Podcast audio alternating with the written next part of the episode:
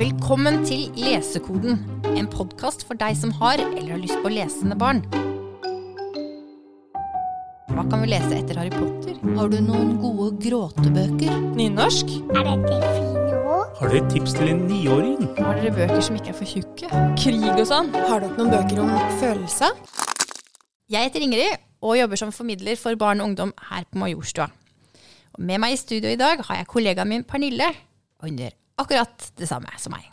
Hei, Ingrid. Hei, Pernille. I dag skal vi ta for oss et stort og viktig spørsmål. Hvilket spørsmål er det, Pernille? Hvordan knekker vi lesekoden? Og hvordan gjør vi barna våre til lesere som er glad i å lese? Ja. Og hvor skal vi begynne, egentlig? Eh, Tenker du hvor i hylla? Eller tenker du sånn i livet generelt? Altså, det å gjøre barna til gode lesere, det starter lenge før de begynner å lese selv, med høytlesning og, å bade i ord hjemme. Eh, Så man men- kan ikke utsette oppgaven til barna begynner på skolen. Absolutt ikke. Men når man først eh, har barn som har begynt på skolen og begynner å lese, da har vi en hylle på biblioteket som heter Lettlesthylla. Og det er en jungel. Ja, og det, det vil jeg nesten si liksom, som en slags si, advarsel eller antiadvarsel. Den, den ser jo litt sånn Man får kanskje lyst til å gå forbi den, og heller gå rett til det som heter høytlesningsbøker. Men det er en felle vi kan risikere å gå i. Men det kan vi snakke mer om etterpå. Men vi må ikke skue hunden helt på hårene, fordi den jungelen er fantastisk. Jeg tenkte før vi går inn på selve bøkene, og, og hvordan de på, på en måte, reglene som gjelder for dem, eller hvordan de ser ut, så er det jo noe som også er veldig viktig, som handler kanskje om, om innstillingen eh, til hva det vil si å lese. Som begynner på en måte før bøkene. Eh, vi har jo snakket om dette før, og det er noe som er veldig viktig for at barn skal i det hele tatt ha måte, det riktige utstyret for å begynne lesningen.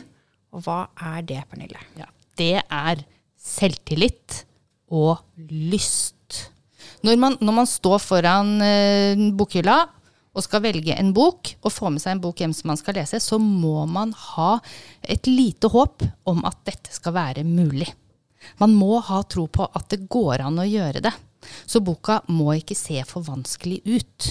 Man må ha, sånn- man må ha noen opplevelser inne av at dette her går bra. Og der kan jeg kanskje komme med en tilståelse allerede nå, fordi jeg tror jeg har gjort en klassisk feil. Og det at jeg gikk til det som er, er høytlesningsseksjonen, som jo er da bøker som er flotte, og, eh, men som jo egentlig er meningen at foreldrene skal lese sammen med barna. Og jeg kom over en, en, ny, en ny bok som, som er kritikerrost, en anerkjent forfatter, flott illustratør. Og så ga jeg den til min nevø på ni, og sa vær så god, dette er en fantastisk bok, les den. Og så skjønte jeg i etterkant at han, han kom seg jo ikke inn i den. Det, det, det var den, det flott handling, men han, han klarte ikke å dykke ned i teksten. Og det er derfor vi trenger å snakke om hva lettleste bøker er, sånn at ikke flere begår den feilen.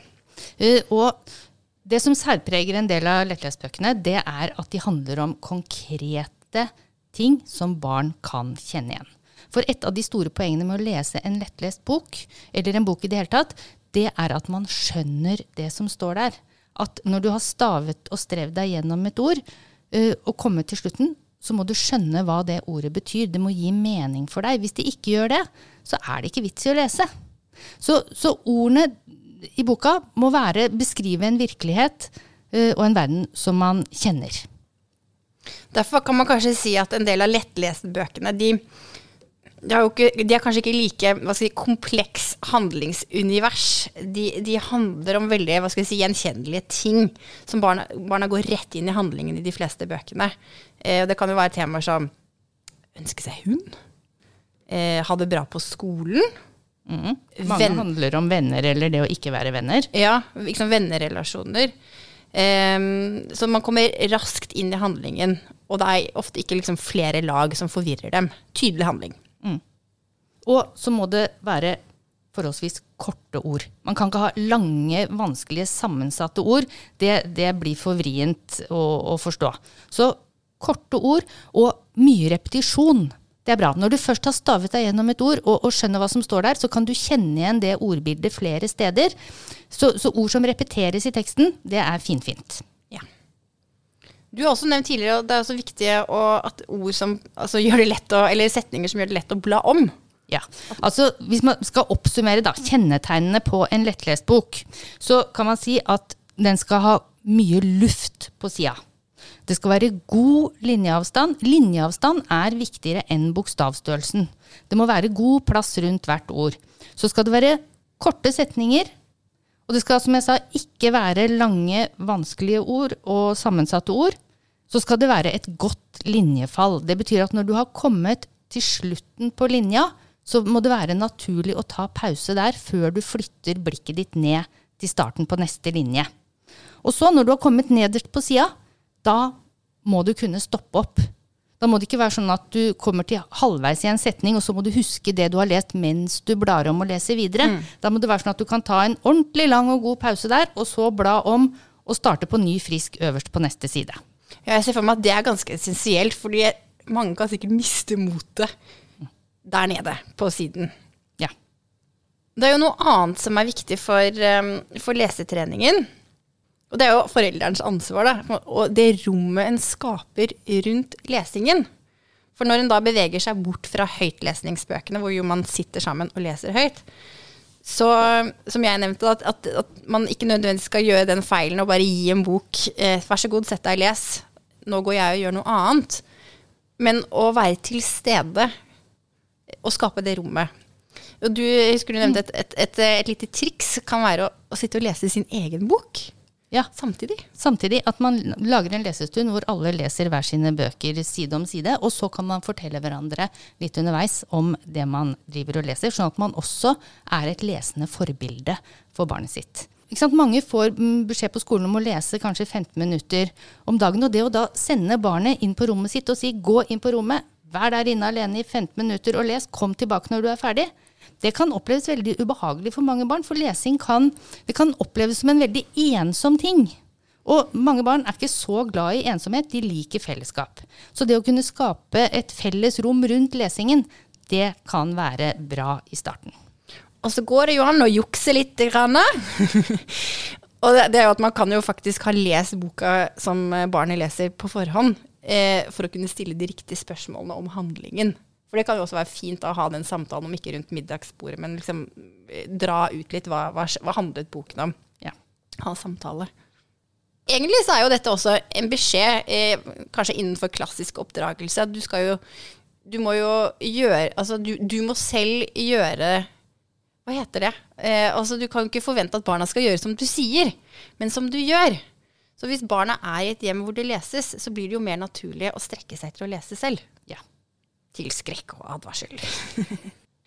Det som også kan være litt forvirrende når man går på biblioteket, er at um, det er jo ganske mange forskjellige serienavn. Det er leseløver, lesehest, løvunger.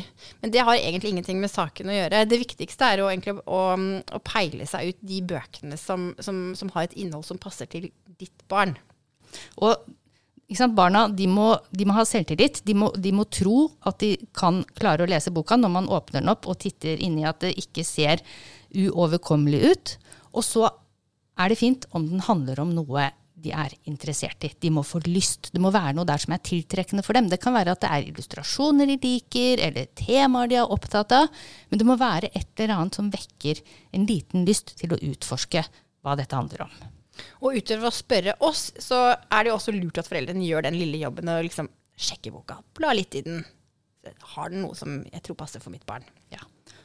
Det er jo også verdt å nevne at det er jo i, i, i lettlesningsuniverset så er det jo eh, store anerkjente forfattere som skriver.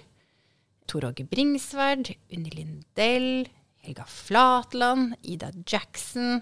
Det er en lang liste av kjente navn. Og de skriver godt og gjenkjennelig. Og lettleselig. Altså selv, selv om lettlestbøkene er bitte små og korte, så er noen av dem virkelig god litteratur. Og det, det, det er fascinerende å se hvordan forfattere kan greie å skape ordentlig fine fortellinger ved hjelp av bare én liten setning på hver side. Og da, Pernille, hvis jeg nå er en forelder som kommer bort til deg og sier at jeg har en jente eller en gutt som er i ferd med å skulle knekke lesekoden. Jeg trenger tips. Hvilke bøker skal jeg ta med meg hjem? Hvilke bøker kunne du f.eks. trukket fram da? Nå har jeg først plukket ut noen fra den delen av lettlesthylla hvor vi har de aller enkleste bøkene. Og det er bøker med, som Tidligere så lærte barna å, å lese med bare de store bokstavene, men nå lærer de begge deler samtidig. Så i, i denne hylla så er det en del av bøkene som har mm, store bokstaver, altså blokkbokstaver. Og så er det noen som har litt sånn store, små bokstaver. Det står litt om hverandre, så det er også en grunn til å titte inne i bøkene. Men her er det en serie som, heter, som er i Leseløveserien, som heter Løveunge. Og her er det veldig mange gode norske forfattere som har blitt invitert til å skrive, og de har virkelig boltra seg, og det er veldig mange gode illustratører i sving her også. Og nå har jeg bare tatt med et par eksempler. Den ene er av Jon Evo, illustrert av Bjørn Ausland, heter Monster og handler om hvordan det er å ha et monster som kjæledyr. Det kan være både upraktisk og fint. Så har jeg med en bok som er skrevet og illustrert av Reidar Kjeldsen. Den heter Æsj. Den handler om flue som våkner en morgen og skal spise frokost, og hele boka bygger opp mot hva som er det aller, aller beste en flue kan ønske seg til frokost. Reidar Kjeldsen har jo også skrevet en si, legendarisk les eh, leseløve, eh, eller løveunge faktisk, 'Tissemus'. Og det, nå er vi også inne i et tema som da er veldig eh, gjenkjennelig og, og lett tilgjengelig. Sånne ting som er eh, litt sånn ekkelt og sånn tiss, og det er gøy.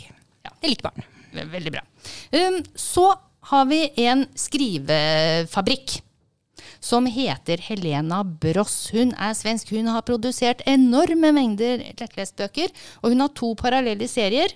Den ene er for de som akkurat har begynt å lese. Den heter Ekstra lett å lese. Og her handler det om hverdagslige, gjenkjennbare ting i den boka jeg sitter med her nå. Så den heter Sparkesykkelen. Så er Anna Fiske. Hun slår seg også løs i Lettlesangeren, og hun har laget en bok om å hoppe på trampoline. Den heter Hopp, og den er helt ny. Og det skulle man jo tro etter dette året som har vært, eh, som jeg ser i mitt nabolag, hvor mange som har investert i trampoliner. En brennaktuell bok. Og så kommer vi til altså, Jeg tror jeg skal fortsette litt med disse skrivefabrikkene. Hun, Helena Bross hun har en serie til som heter Klassen min. Og her er det også det er, Nå går vi over på bøker som har litt mer tekst. De er fremdeles gjennomillustrert og tilrettelagt, men det er litt mer tekst. Uh, og denne her passer for folk som går i første klasse, og som har lest en liten stund. Denne serien heter Klassen min, og den jeg sitter med nå, heter Slåsskamp. Ganske dramatisk. Så er det neste skrivefabrikk. Det er Jørn Jensen. Han er dansk. Han har holdt på lenge, lenge. Han har skrevet en lang serie om Stian og Stians far, som er en utrolig klønete far. Eh, Her er det rett og slett situasjonskomikk. Og så har han en serie til om Kasper som spiller fotball. Kasper bruker hodet, heter den jeg sitter med her, og han driver og nikker. Og det som er bra med den serien, det er at den er forholdsvis aldersnøytral. Så den kan leses av barn fra de begynner å spille fotball, til de slutter med det. Det er også en kategori i um, lettlesthylla som er faktabøker. Nå behøver vi kanskje ikke si så mye om det. Eh, men du har kanskje med deg noen bøker. Mm. Og I denne leseungeserien der er det også produsert noen faktabøker. Det fins f.eks. en om haier. Og altså, Det er veldig lite tekst, men illustrasjonene her, det er på en måte clouet. Og de, det er svære, fæle fargebilder av hai. Så hvis man er opptatt av hai, så er dette en godbit. Så er det en annen serie som heter Les mer om. Og her er det f.eks. om slanger. Og så har vi Topp fakta-serien, som også er en gammel traver som vi har hatt her på biblioteket i årevis. Den, der er det masse forskjellige temaer, så der handler det egentlig bare om å gå og snoke i hylla og finne et tema som man er litt opptatt av. Og den jeg sitter med her nå, det, den handler om Titanic. Og det er Evig grønt tema. ja, ja, altså, det, For barn og voksne. Det er helt utrolig hvordan nye barn, altså nye generasjoner, bare blir opptatt av den båten om igjen og om igjen og om igjen. Jeg har tatt med noen gamle favoritt-lettlesbøker også. Det er en serie av Mary Pope Osborne som heter Tidsmaskinen. Eh, Den serien kom ut i Amerika omtrent samtidig med Harry Potter-bøkene, og den serien her, Tidsmaskinen, solgte faktisk mer enn Harry Potter-bøkene i Amerika. Eh, og det er to barn. De finner en hemmelig hytte i skogen. Den hytta er en tidsmaskin full av bøker. Altså når de sitter inni der og blar i bøker, så, så, så plutselig så blir de kastet tilbake i historien til andre tider. Og i den første boka så kommer de, altså jeg vet ikke hvor mange millioner år det er tilbake, men tilbake til da hvor dinosaurene vandret rundt. Så kommer de til riddertiden og i det hele tatt. I de andre bøkene. Det vi alle drømmer om, egentlig. At skal Det skje vi oss. alle drømmer om. Eh, Så tok jeg med en til. Det er Mats Venblad, som har skrevet serien om Ebba og Boris.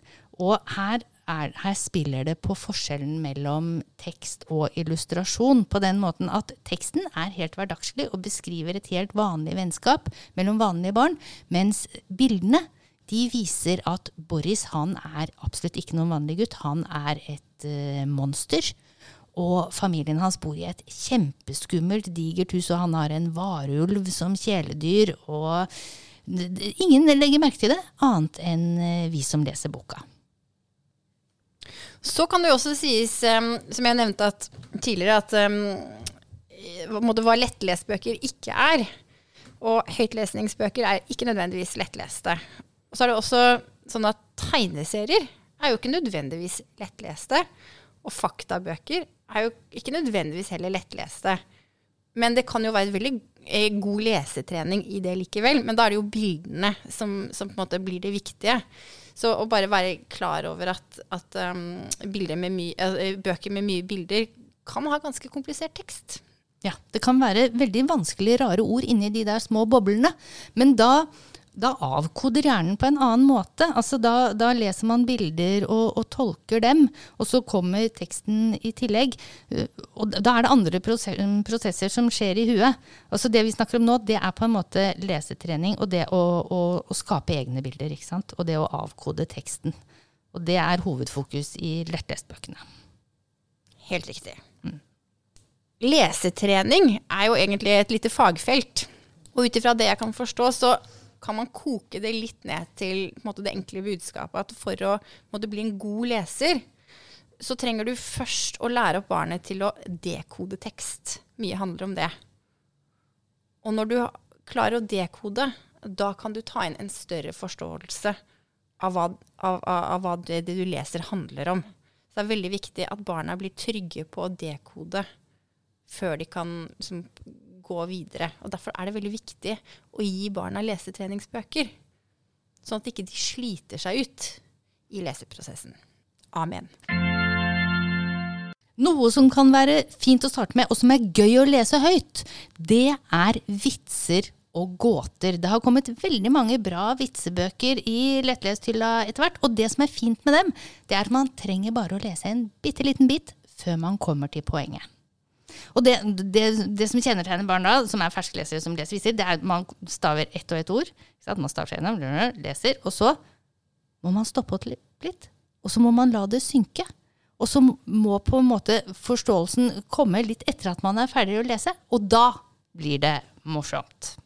Da ønsker jeg å invitere deg, Pernille, til å avslutte med en, en vits. Take it away. Ingrid, eh, hvorfor ble det så mørkt i fruktfatet? Har ikke peiling. Fordi pæra gikk.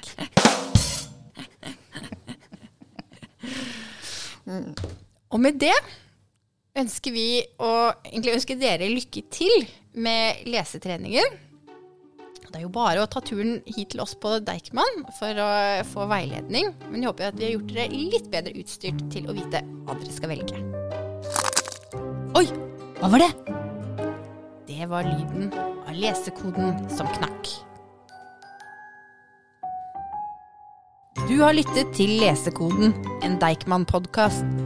Alle bøkene vi har snakket om, kan du bestille på deichman.no.